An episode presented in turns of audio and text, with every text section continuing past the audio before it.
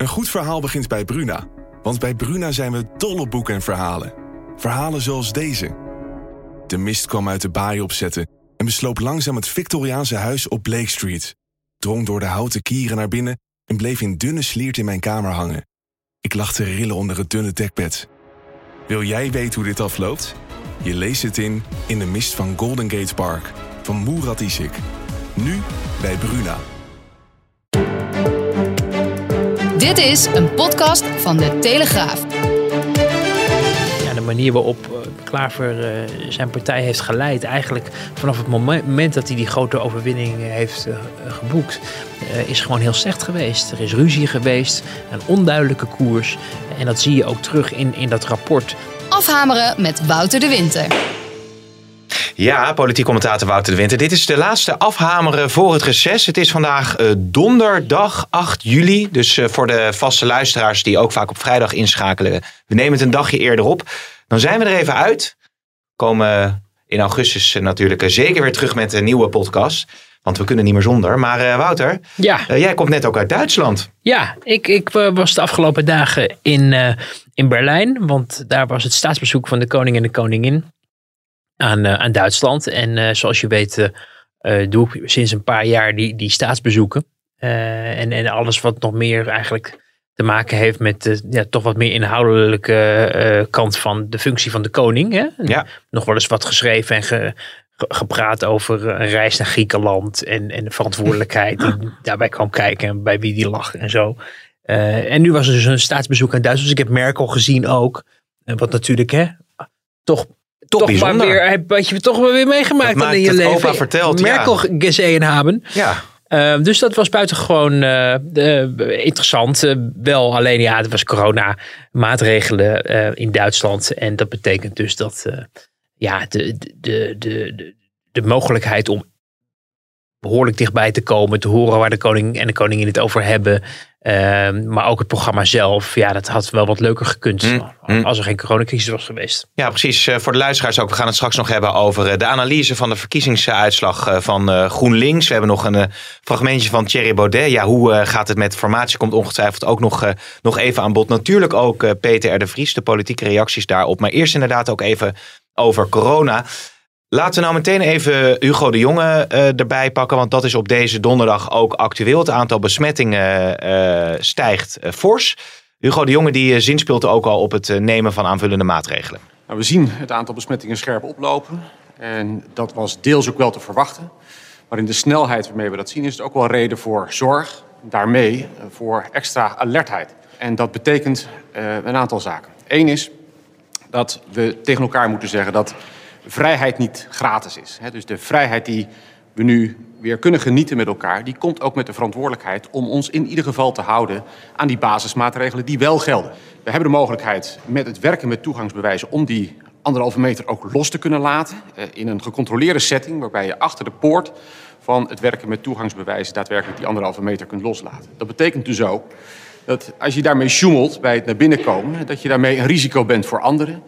En als je dat lauwloenen controleert aan de voordeur, eh, ja, dat je dan dus ook niet alleen je eigen herwonnen vrijheid weer meer weer in de, in de waagschaal stelt, maar ook die van anderen. Dus het moet gewoon veilig en verantwoord werken. Dat is uh, Hugo de Jonge. Mag ik daar nog even iets over ja, zeggen? Ja, je mag iets zeggen, want, zeker. Want ik, ik, was dus in, in Duitsland, er was Hugo de Jonge ook één dag. Hè? Die ging uh, naar het Robert Koch Instituut, dat is het, het Duitse RIVM. En toen werden er vragen gesteld, ook door de Duitse pers aan, aan Hugo de Jonge. En Hugo de Jonge, die geeft antwoorden zoals we die van Hugo ja. de Jonge kennen. En die kennen ze in Duitsland niet. Nee. Dus die, die, die, die Duitse minister staat naast, naast hem en die zegt, uh, uh, als Hugo de Jonge klaar is met zijn antwoord van, uh, oké, okay, ik zal ook een antwoord geven, maar wel wat korter. De short version. Oh, serieus? en hoe zeg je eigenlijk in het Duits, we moeten een dijk bouwen tegen corona? Ja, nou, het, het, het ging mij meer om het feit dat, dat, dat um, het niet aan ons ligt, nee, zeg maar, als nee. het gaat om de lengte van de antwoorden van de minister van Volksgezondheid. Ja, maar zie je een groot verschil in de aanpak in Duitsland ten opzichte van corona en hoe we ja, dat in Nederland doen? Ja, dat, dat, dat, dat zie ik wel. En daarom heb ik ook voor jou iets meegenomen uit Duitsland. En ik geef het jou nu Een even. FFP2 Een masker. FFP2 Dat is een officiële... masker. Je mag het opdoen, even om Ja? te proeven Oké. hoe dat is. Oh, Oh, je moet, we zitten Ja, hier nog met een spatscherm. Ja, een ik gooi hem over het scherm. spatscherm nu. Voor, de, voor de luisteraars, ik pak nu een, eh, een mondkapje wat ik van Wouter eh, krijg. Nou, ik 2,60 had- euro Ik had misschien stuk. gehoopt op een ander presentje uit Duitsland, maar dit is toch ook hartstikke leuk. En ik doe nu het mondkapje op. Ja, wat wil je? Ja, je moet het even opdoen. Je, Oh, je, je koptelefoon even even af. Ja. ja, dit is echt live mensen. Zo spannend. Ik heb op dit moment een mondkapje. je moet het wel goed op. opzetten, Pim. Ja, ik doe. Dus over je neus. Oké. Ja. Het loopt hier helemaal. eh En, en ook, hier en, helemaal uit en de ook even, even goed om je oren. Want daar gaat het mij even om. Oh, wacht even hoor. Ja. Ik, doe, ik doe hem nu onder mijn oren. Ja, Hij kijk zit nu. onder mijn oren. Ja. zit goed. Ja, je- hoe voelt dat? Eh, benauwend. Ja. Ja. En dat is dus precies het, ook het punt wat ik wilde maken. Hier liep dus het koninklijk paar en die delegatie en de journalisten. Dus al die dagen mee rond in Duitsland. Het is, een, het is, het is, eh, het is niet zo'n mondkapje zoals wij hier in Nederland kennen. Wat eigenlijk gewoon een lapje plastic is. Maar dit, dit klemt echt je hele, je hele mond, gezicht, wangen af. Ja. Het, het, het snijdt in je oren omdat er zoveel druk op staat om het allemaal tegen je gezicht te houden. En dat is dus het mondkapje wat de norm is in Duitsland. Ja. Wat iedereen ook draagt. Iedereen loopt met zo'n ding ook aan zijn arm. En zodra je een gebouw ingaat, moet je dat ding ook op. Ja. Heb eigenlijk wat wij hier ook hadden met de supermarkt. Dat is daar eh, nog steeds de normaalste zaak van de wereld. En niet alleen binnen, maar ook buiten. Namelijk in de Biergarten, waar ik gisteren na het staatsbezoek, toen alles, al het werk af was, Mhm. Ja. nog even met onze correspondent Rob Zavelberg en met onze cameraman eh Laurens Slooyer eh, een, een biertje heb gedronken. Eh, daar moest je in die Biergarten, wat dus in de open lucht is, moet je dus een mondkapje op om binnen te komen en naar een, in een tuin te gaan zitten. En dan zit je op zo'n ja, op zo'n op zo'n verlengde, zo'n lange tafel, op zo'n bankje. En dan mag het af. Ja. En als je zodra je weer gaat staan, moet het, eh, dat masker eh, dus ook weer op. En dat, ik, ik zeg het even om aan te geven dat, dat ehm, er zijn dus ook landen, en zeker onze oosterburen. Duitsland is een groen land, hè, daar gaat het dus heel erg goed met, met, eh, eh, met de cijfers. En niet op, in ieder geval niet op dit moment zo erg als, als bij ons. Ehm, en ik denk dan ook wel, je moet dus ook een keuze maken en, en ook je realiseren. En dat doet het kabinet natuurlijk ook deze dagen. eh, als men wil ingrijpen, van wat ben je bereid om te doen als jij in een groen land wilt leven? Een groen land van de codes van, Ja, nee, ik van, snap de- hem, ik van de snap hem. mondkapjes. Want als, je, als je toestaat dat, dat jongeren op vakantie gaan en met elkaar, terwijl ze namelijk niet gevaccineerd zijn. En want die jongeren die zijn nog, staan helemaal achteraan. Maar die hebben net een eindexamen gedaan. Nou, die hebben misschien een prik ingepland. Misschien één prik gehad, maar ik denk nog niet eens zo ver. Die laat je wel allemaal op vakantie gaan. Die, komen, die gaan daar natuurlijk op vakantie niet naar de bibliotheek. Die gaan iets leuks doen met elkaar. Dus die komen besmet, massaal besmet terug. Die krijgen we nu in Nederland. Je ziet die enorme eh, besmettingen. En dan ja, dan vraag ik me af van, ja, wat wil je dan eigenlijk als land? Wil je dan Mhm. Duitsland achterna, waarin je eigenlijk onnodig iedereen zo'n masker laat dragen? Want wat hebben we het nou in hemelsnaam voor zin om dat in een tuin te doen? Eh, of sta je, en dat zal het kabinet die, die belangen ook moeten afwegen, of eh, ja, dat je accepteert dat er een groep mensen is in Nederland die niet eh, gevaccineerd is of nauwelijks gevaccineerd is, maar ook niet zoveel risico lopen. En daardoor ze dus zorgen voor die grote besmettingscijfers. Ja. Want het, de focus was aanvankelijk om de, de zorg niet eh, eh, te, te, te druk te laten krijgen. Nou, dat gebeurt op dit moment ook niet. Dus eigenlijk is er voor, voor het kabinet niet een onmiddellijke noodzaak om in te grijpen, Nee. omdat de druk op de zorg niet toeneemt. Nou, behalve dat je dan die corona-brandhaarden uit de samenleving wil hebben, dat als het virus muteert, dat je dan eh, misschien ook mensen krijgt die dan niet goed beschermd zijn, omdat ze een bepaald vaccin hebben genomen. Ja, nee, dat, dat, maar dat geldt eigenlijk voor de hele wereld. Hè. Dat is niet uniek aan Nederland. Dat mensen die niet gevaccineerd zijn eh, eh, rondlopen tussen mensen die wel gevaccineerd zijn. Dat het op een gegeven moment gaat muteren.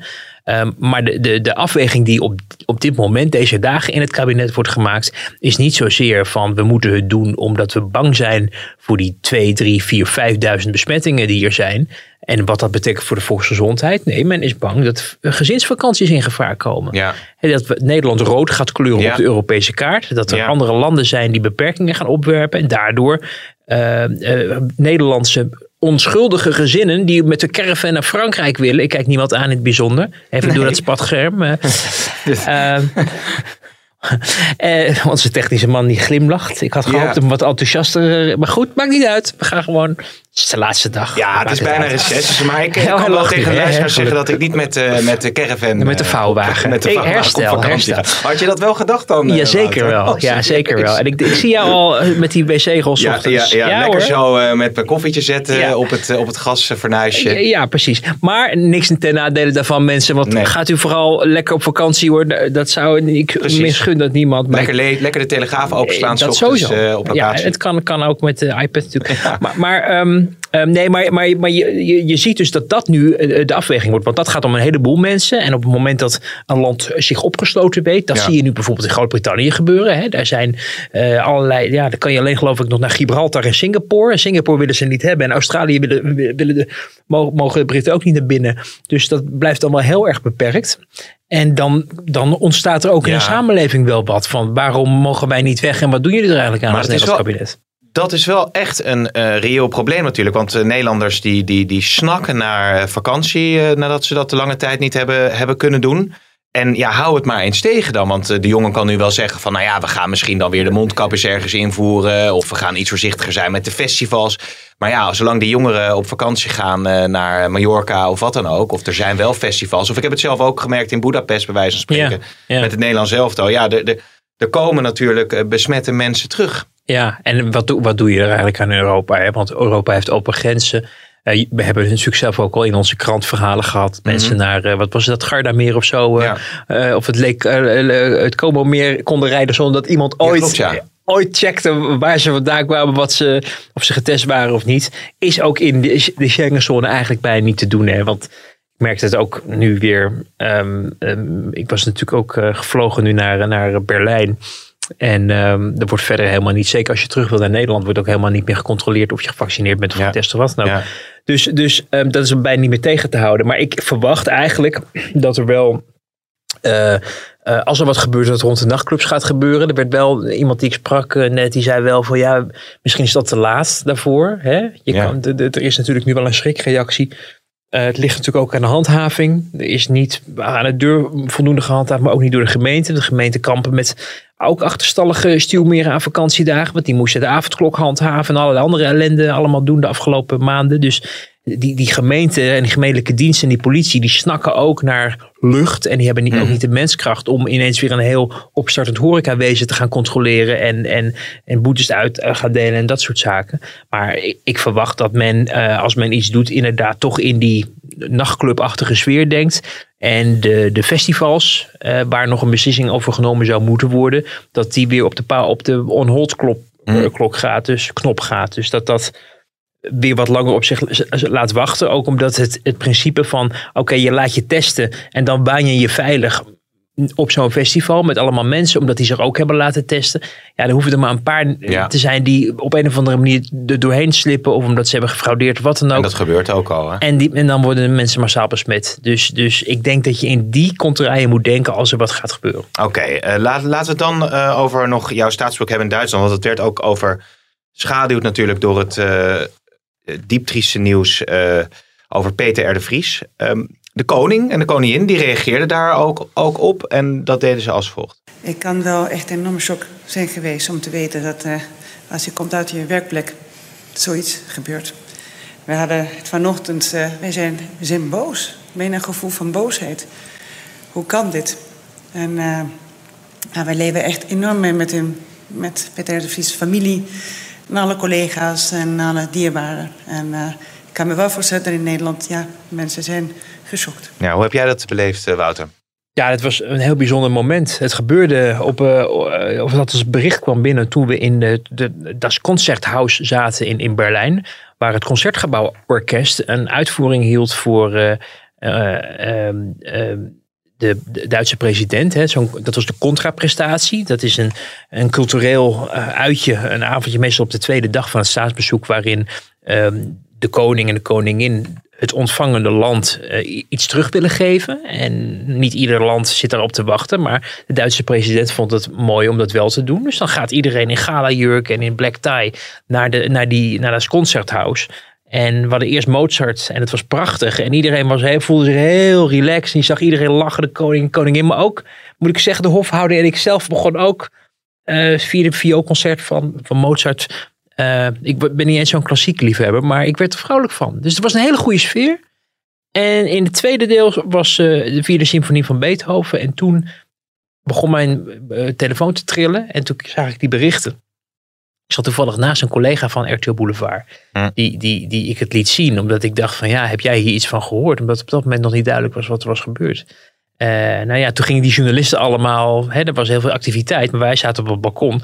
Koning en koningin zaten in, in de zaal zelf. Uh, en wij keken zo naar beneden. Maar ja, zij hadden natuurlijk geen idee. Dat gebeurde pas op het moment dat ze naar buiten gingen. En toen ontstond er een hele bizarre sfeer. Wat iets wat een, eigenlijk een, toch een leuke avond had moeten zijn, werd een hele grauwe avond. Omdat iedereen met zijn gedachten ja, daar zat in Amsterdam bij, bij uh, Peter R. de Vries, bij zijn dierbare uh, maar zeker ook bij zijn collega's, waarvan we er dus een paar ook bij ons hadden. Uh, en en dat, dat maakte het wel heel um, uh, ja, sinister, moet ik je zeggen. En ja, dat was ook. Het was eigenlijk een staatsbezoek in Duitsland voordat de aanslag werd gepleegd en mhm. daarna. En ook de derde dag uiteindelijk stond daar toch wel in het teken van. Koning en koningin. koning aan het begin van de dag ook een statement gaf: het is een aanslag op de rechtsstaat. En dus vervolgens uh, aan het eind van de middag dus waar we net de quote van hoorden van Maxima, van we zijn echt boos. En uh, op, op zich ook een heel belangrijk moment hè, voor een land dat ook zich afvraagt van wat gebeurt er eigenlijk met ons en in ons land. Dat, dat uh, de koning ook van zich laat horen en, en ook zijn ja, medeleven uitspreekt, maar ook zijn verbijstering laat blijken. Omdat iedereen toch ook wel weer zoekt naar een ja, mogelijkheid om, om het te bevatten of zo. Ja, en ook, moeilijk is. En ook wel uh, mooi dat hij natuurlijk de woordenspraak die we veel hebben gehoord, maar over de waarde van Peter R. de Vries als, uh, als journalist in, in Nederland en wat hij natuurlijk allemaal heeft uh, neergezet. Um, als we dan de, de koppeling maken naar de politiek, kunnen we ook even wat reacties laten horen. Want uiteraard daar ook geschokte reacties op dat nieuws. Het is zo schokkend en zo verschrikkelijk dat dit gebeurt. Echt shocking. Dat deze lieve, krachtige journalist, misdaadbestrijder, die altijd opkomt voor andere mensen. Die erom bekend is dat als hij zich ergens in vastbijt, dat hij niet alleen zich in de zaak vastbijt, maar ook tot een lengte van jaren mensen blijft ondersteunen. Dat dit gebeurt, het is onbeschrijfelijk. Ik was geschokt. Het zijn gewetenloze types uh, die, die nergens voor terugdeinzen. Dit was een fragment van RTL Boulevard die een, een, dag na de verschrikkelijke gebeurtenis ook een hele, een hele mooie hommage hadden aan uh, Peter R. de Vries. Um, als je het hebt over de reacties uit de politiek. Ja, dezelfde geschokte reacties zag je natuurlijk ook uh, na de aanslag op uh, Dirk Wiersum, uh, de advocaat van de kroongetuigen. Hoe moet ik dat duiden? Want ja, de geschokte reacties die hou je, maar is er iets aan te veranderen vanuit de politiek? Nou, dat, dat, dat, dat is natuurlijk heel moeilijk. Hè? Het gaat ook om een veel groter probleem dan, dan ehm, de, de ja, absurde realiteit dat, dat een journalist of wie dan ook eigenlijk. Hè? Want die advocaten, de broer van de kroongetuigen natuurlijk ook al om het leven uh, zijn gebracht. En nou, Peter uh, R. de Vries die vecht voor zijn leven momenteel. Um, op het moment dat we dit opnemen. Um, ja, het is, het is uh, um, begrijpelijk dat politici zich zo uiten. Hè? Met, met hmm. betrokkenheid tonen. En dat Grapperhaus en Halsema natuurlijk ook uh, naar de redactie van Boulevard zijn gaan. Dat lijkt mij heel, heel goed en heel, heel netjes. En uh, net als de toenmalige burgemeester van Amsterdam uh, hier zich ook meldde toen hier die aanslag had plaatsgevonden. Alleen een, een, land kan natuurlijk niet alleen maar naar politici kijken en dan hopen dat ze net zo verdrietig zijn als, als zij. Hè? Ehm, als de inwoners van de politici wordt verwacht dat zij ook dingen doen om te voorkomen dat herhaling plaatsvindt. En ik, ik moet je wel zeggen dat toen ik die, die aanvankelijke reactie van Grapperhaus uh, ook, ook zag, naar aanleiding van, uh, van wat er was gebeurd, dus dat persmoment hè, op die avond, uh, heel laat nog met Rutte ook, mm-hmm. dat je weer een, een, een, een boze, maar ook wat geëmotioneerde minister zag. Terwijl ja, het land kijkt natuurlijk wel naar die minister voor de oplossingen van dit probleem. En de vraag is, wat zijn we daar nou eigenlijk mee opgeschoten? Hè? Er is op een gegeven moment wat extra geld gekomen om, om, om ondermijning aan te pakken. Um, nou goed, mensen als John van de Heuvel en Mick van Wedi, die kunnen denk ik veel beter duiden van waar de schoen wringt. obviously in het drugsmilieu. Hè, en het feit dat mensen in Nederland ook bijvoorbeeld eh, van cocaïne houden en dat gebruiken, houdt een industrie in stand die het ook mogelijk maakt dat dit gebeurt. Hoe je dat dan vervolgens moet kanaliseren. Er zijn ook mensen die zeggen, je moet het daarom dus uit het criminele circuit halen. Maar goed, dan komt er misschien weer wat anders. Um, dus dat is een ingewikkelde oplossing. Maar ik moet je wel zeggen dat ik, dat ik toch ja, vanuit uh, het kabinet. En, en, en uh, Rutte heeft ook gezegd hè, dat het een ding wordt bij de formatie. Dat is natuurlijk wel een belangrijk uh, ja. gegeven. Maar dat je wel echt een ja, toch veel gecoördineerde. En misschien ook echt wel een visie moet ontwikkelen op hoe je dit, dit, dit, ja, dit, dit kankergezwel inderdaad kan uitroeien. Omdat dit maar door blijft gaan. En er moet, uh, ja, er moet wel echt heel duidelijk worden ingegrepen. Het gaat in Den Haag de, de afgelopen tijd over hè, de navelstaarderij van de formatie. Het gaat over stikstof, het gaat over klimaatdingen. Maar de eerste taak van uh, de overheid is het veilig houden van de burgers. Hè? Dat is waarom er een overheid is. Dat is de primaire taak. Ja. En daar zou, denk ik ook, de, ook veel meer de aandacht uh, mogen liggen vanuit de, de politiek. En uh, dat is zeker het afgelopen jaar, anderhalf jaar, twee jaar, veel te weinig gebeurd. Eigenlijk na die, die, die moord op Dirk Wiersum was er ophef. En dat kabbelde vervolgens weer weg. En vervolgens gingen we weer um, het hebben over: mag je 100 of 130 rijden op de snelweg? Ja. Moeten de boerenbedrijven worden opgekocht? En uh, moet er nog ergens een metro worden aangelegd? Ja, terwijl het natuurlijk uh, zeer ondermijnend en zorgwekkend is dat inderdaad op klaarlichte dag midden op straat bij een van de drukkere ja. pleinen van Nederland, uh, het Leidseplein, uh, zomaar iemand kan worden neergeschoten. Um, valt me wel op inderdaad bij Grapperhaus. Want als je het hebt over die reactie op Dirk Wiersum. Ook daar was de snik in de stem. Hè? Ook daar was de aanval op de rechtsstaat. Ja. Het is wel een reactie. Hij, hij, hij komt daarin ook heel... Uh, nou, op mij wel, wel goed over altijd. Hij heeft, wel, hij heeft daar wel het, het vermogen om dat echt goed over te brengen. Maar het blijft inderdaad dan vooral ook bij die emotie. En zeg, ja, dit mag nooit meer gebeuren. Ja, nou ja, ieder, ieder reageert op dat soort dingen op zijn eigen manier. Hè? En, en uh, iedereen verwacht misschien ook weer zijn eigen ding van een gezagsdrager om te reageren. Ik ben persoonlijk meer, uh, heb ik niet zoveel behoefte aan snikkende ministers, maar wil ik meer uh, krachtdadige ministers hebben Ja. die voorkomen dat dit soort dingen gebeuren. Uh, en dan, dat gaat niet alleen maar of wordt iemand beveiligd of niet. Dat wilde Peter R. de Vries niet. Nou ja, dat is een, een keuze die, uh, die uh, ook sommigen misschien moeilijk vinden te begrijpen. Aan de andere kant, hoe komt het dat we in een land leven waarin dit überhaupt Ja. kan plaatsvinden? Want als je, je laat, als je Peter R. de Vries beveiligt, dan pakken ze wel weer iemand anders die niet beveiligd wordt. Dus dat is ook een, een, een, ja, een vicieuze cirkel op een gegeven moment. Uh, je kan niet het hele land gaan met persoonsbeveiliging Nee. laten En ook rondlopen. mensen die wel beveiligd uh, worden, kunnen natuurlijk Ook dat, helaas ook ja. nog slachtoffer Ja. Uh, worden. Laten we het eventjes, nou ja, even iets heel anders, hè, Wouter? Want we hebben nu dit heftige nieuws gehad. Maar Ja. ga jij uh, de, de, de Tweede Kamer uh, missen? Um, Want er komt een verhuizing aan. Na het reces uh, zullen wij elkaar gaan interviewen. nou, ik uh, heb onze werkplek al gezien Ja. in, in het nieuwe gebouw. En uh, die is uh, uh, indrukwekkend. Echt Oh een ja? stuk prettiger dan waar we nu zitten. Dus, dus voor ons is het een, uh, is het een verbetering. Um, maar ga- ja, je, je, die, die mooie monumentale delen van het gebouw. Want niet het hele gebouw uh, verdient de monumentale status, laten we wel wezen.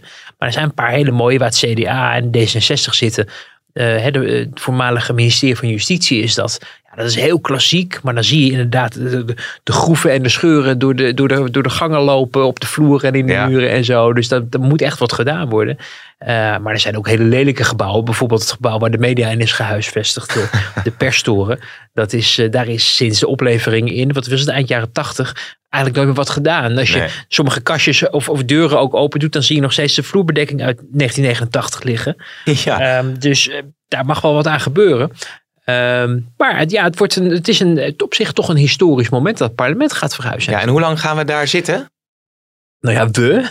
Jij vooral. Vijf- ik, kom, nou, ik kom af en toe nou, langs. ja, hè? ik weet niet. We, we doen we, vijf en een half jaar duurt het. Dus dan moeten we ook nog maar weten, weten wat we dan op dat moment aan het doen zijn. Maar vijf en een half jaar is, is ervoor uitgetrokken.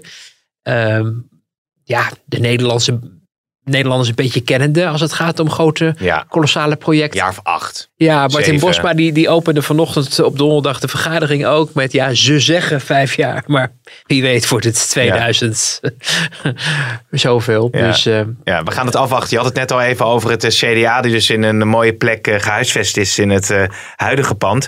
Ehm, daar wachten ze nog op de evaluatie van de verkiezingsuitslag. Wat er allemaal mis is gegaan, ook met de lijsttrekkersverkiezingen, et cetera. Eh, Is wel naar buiten gekomen al met eh, de conclusies wat er allemaal misging. Ik heb dat zo even doorgelezen en eh, daar staan wel opmerkelijke elementen in. Eh, dat onder andere de kiezers moeite hadden met het duiden van het leiderschap van Jesse Klaver. De, de, de, de, wa- waar, die nou echt voor stond. Hè? Wat, waar, wat punt dat eruit is gehaald is over die oproep tot die samenwerking met linkse partijen. Die be- beruchte verkiezingsposter die naar buiten is eh, gebracht. Ook met de andere partijen erin. Nou ja, ik kan het allemaal wel opnoemen. Het gaat natuurlijk ook over aan de ene kant het steunen van het kabinet met het belastingplan. eh, met de onderwijsbegroting. Terwijl die aan de andere kant ook weer als verwachte achterban een iemand die zich juist verzet tegen het kabinet op klimaat, et cetera. Nou, kan wel even doorgaan. Er staat veel in. Wat, wat, wat is het gevoel wat bij jou overheerst? nou, dat de, de luisteraars van onze podcast natuurlijk al lang op de hoogte waren van de inhoud van, van dat rapport. Want we hebben het er toch met enige regelmaat over gehad. Over hoe eh, eh, ja, Klaver toch wel bezig was met zijn laatste ronde. Als je zag wat er aan, aan de gang was bij die partij. En dat hebben de verkiezingen natuurlijk ook laten zien. Hè, van 14 naar 8 zetels. Het grootste verlies van alle partijen. Je hoort er en je leest er niks over. Want iedereen had veel te druk Nee. met naar huis schrijven van Rutte.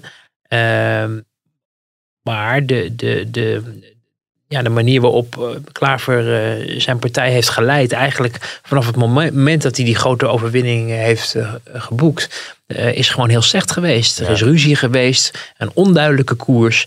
En dat zie je ook terug in, in dat rapport, waarin ook wel weer met een bepaalde vorm van amateurisme ook wordt geanalyseerd over waar het is misgegaan, namelijk passage dat eh, ja, het ook te wijten was aan het feit dat eh, journalisten vervelende vragen stelden.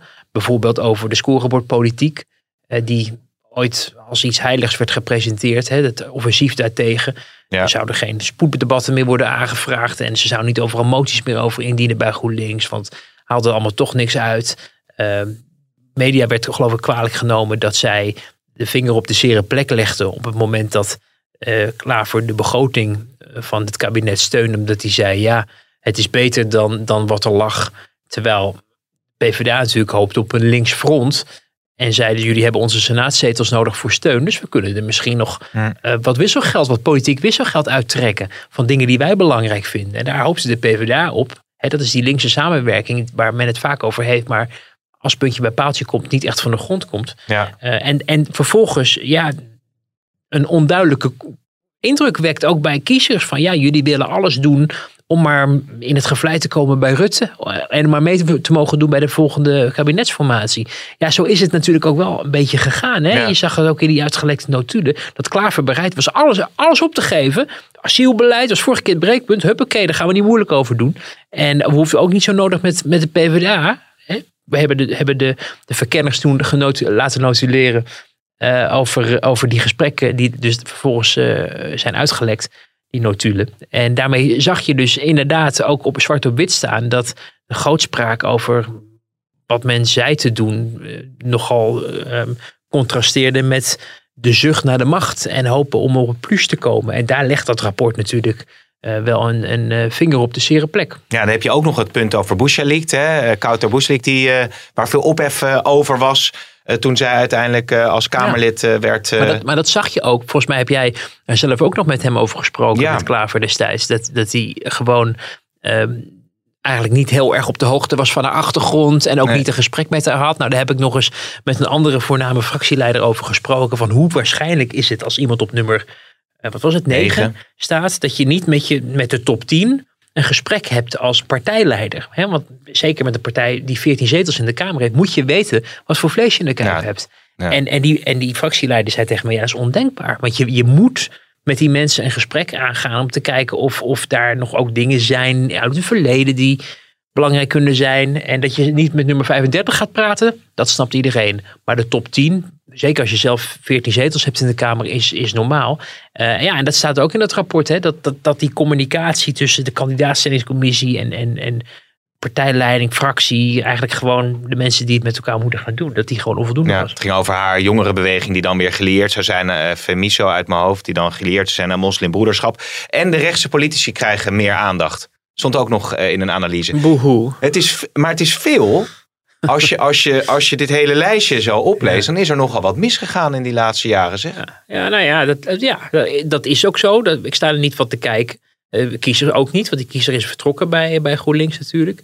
Eh, en dat betekent vooral, denk ik, voor het komende jaar eh, echt opletten geblazen. Hè? GroenLinks wil nog steeds ehm, regeren, zegt nog steeds de PvdA eh, vast te houden. Nou, ik heb me laten vertellen dat vanuit, de, vanuit het motorblok, zullen we maar zeggen, hè, VVD D66 ook een signaal is gegeven. Nou, in ieder geval eh, een van die twee leiders van oké, als jij bereid bent om met ons aan tafel te gaan, eh, dan hebben we morgen gaan we onderhandelen. Mhm. Eh, en dus hè, een uitnodiging aan een van de twee linkse leiders. Nou, die houden elkaar vast. We moeten zien hoe lang dat duurt. Of dat in eind augustus, als Kaag en Rutte met iets komen, ehm, of, of ze dat er nog steeds doen. Ehm, maar als dat niet gebeurt, hè, als zij dus weer achter het net vissen met die regeringsverantwoordelijkheid, nou dan is de positie van Klaver volgens mij klaar. Dan Ja. krijgen we Corine Ellebeet als, als nieuwe leider, verwacht ik bij GroenLinks.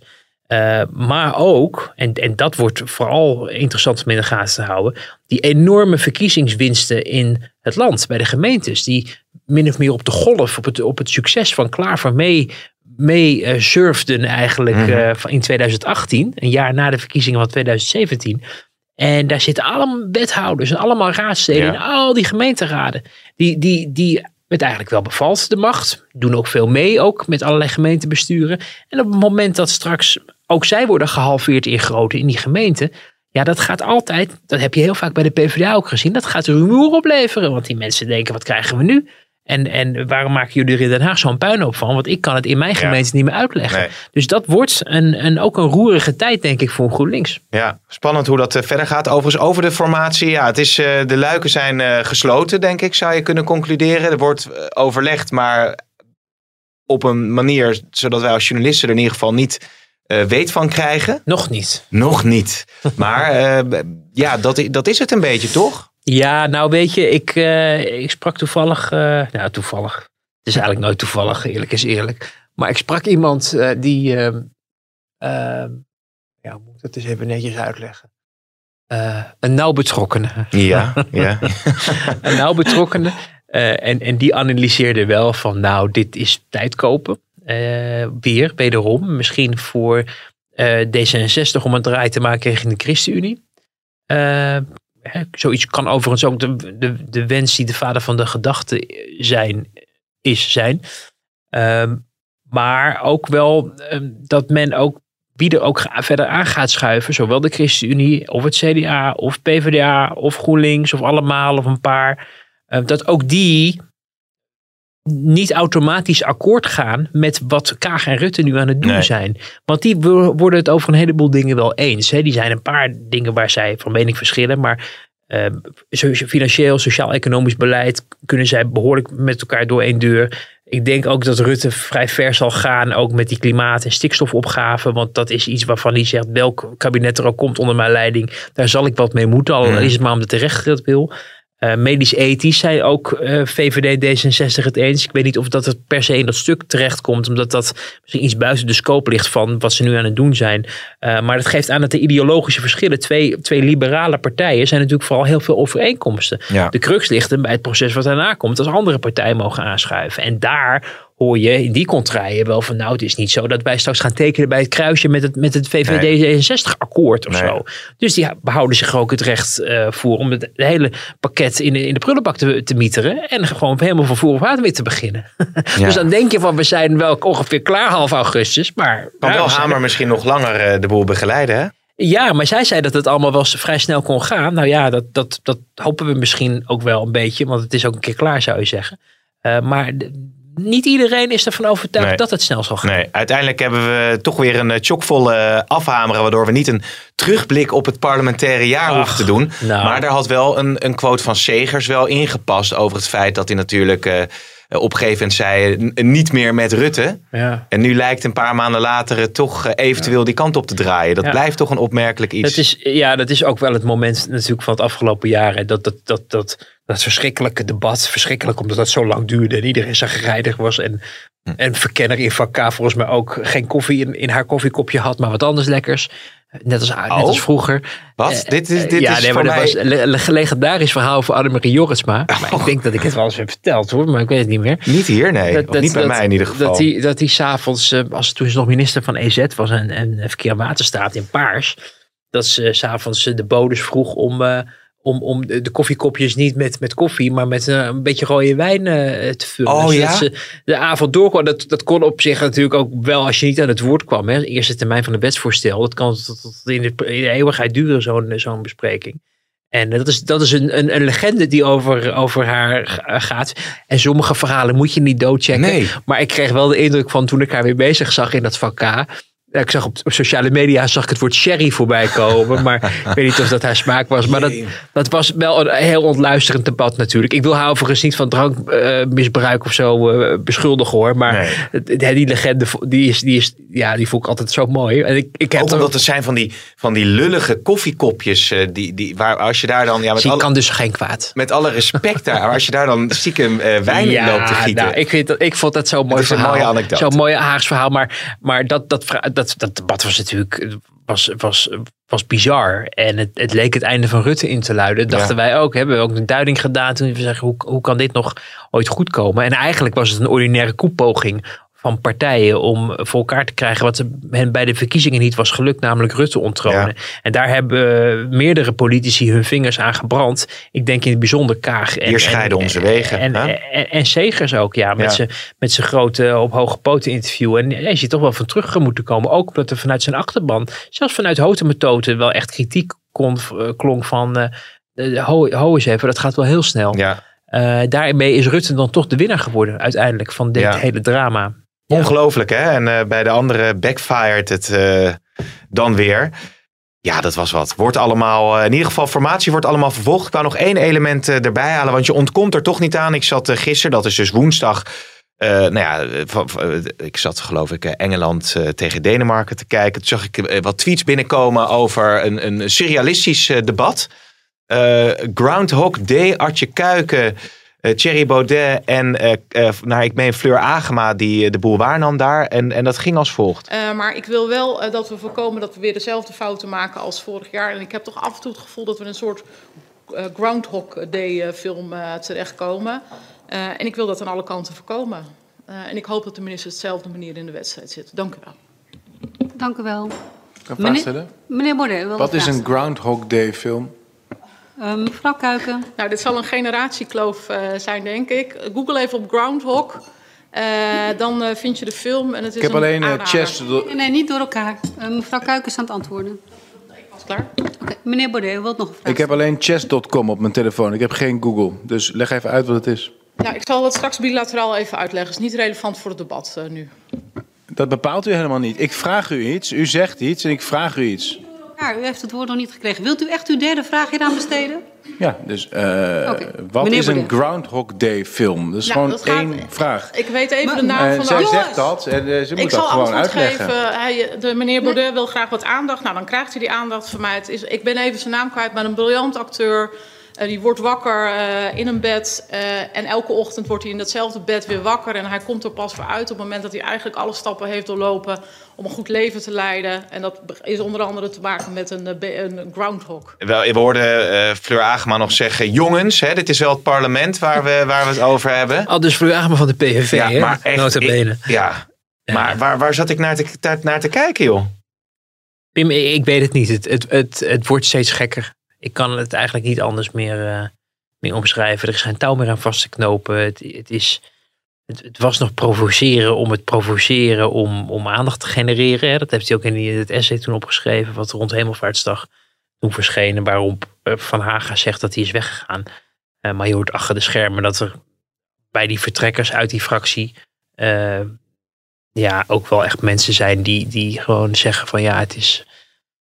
Eh, er, is geen pijl op te trekken. Het is ehm, ja, gewoon onbegrijpelijk wat er gaande is. Het gaat ook niet meer om iets willen bereiken, behalve ophef of zo.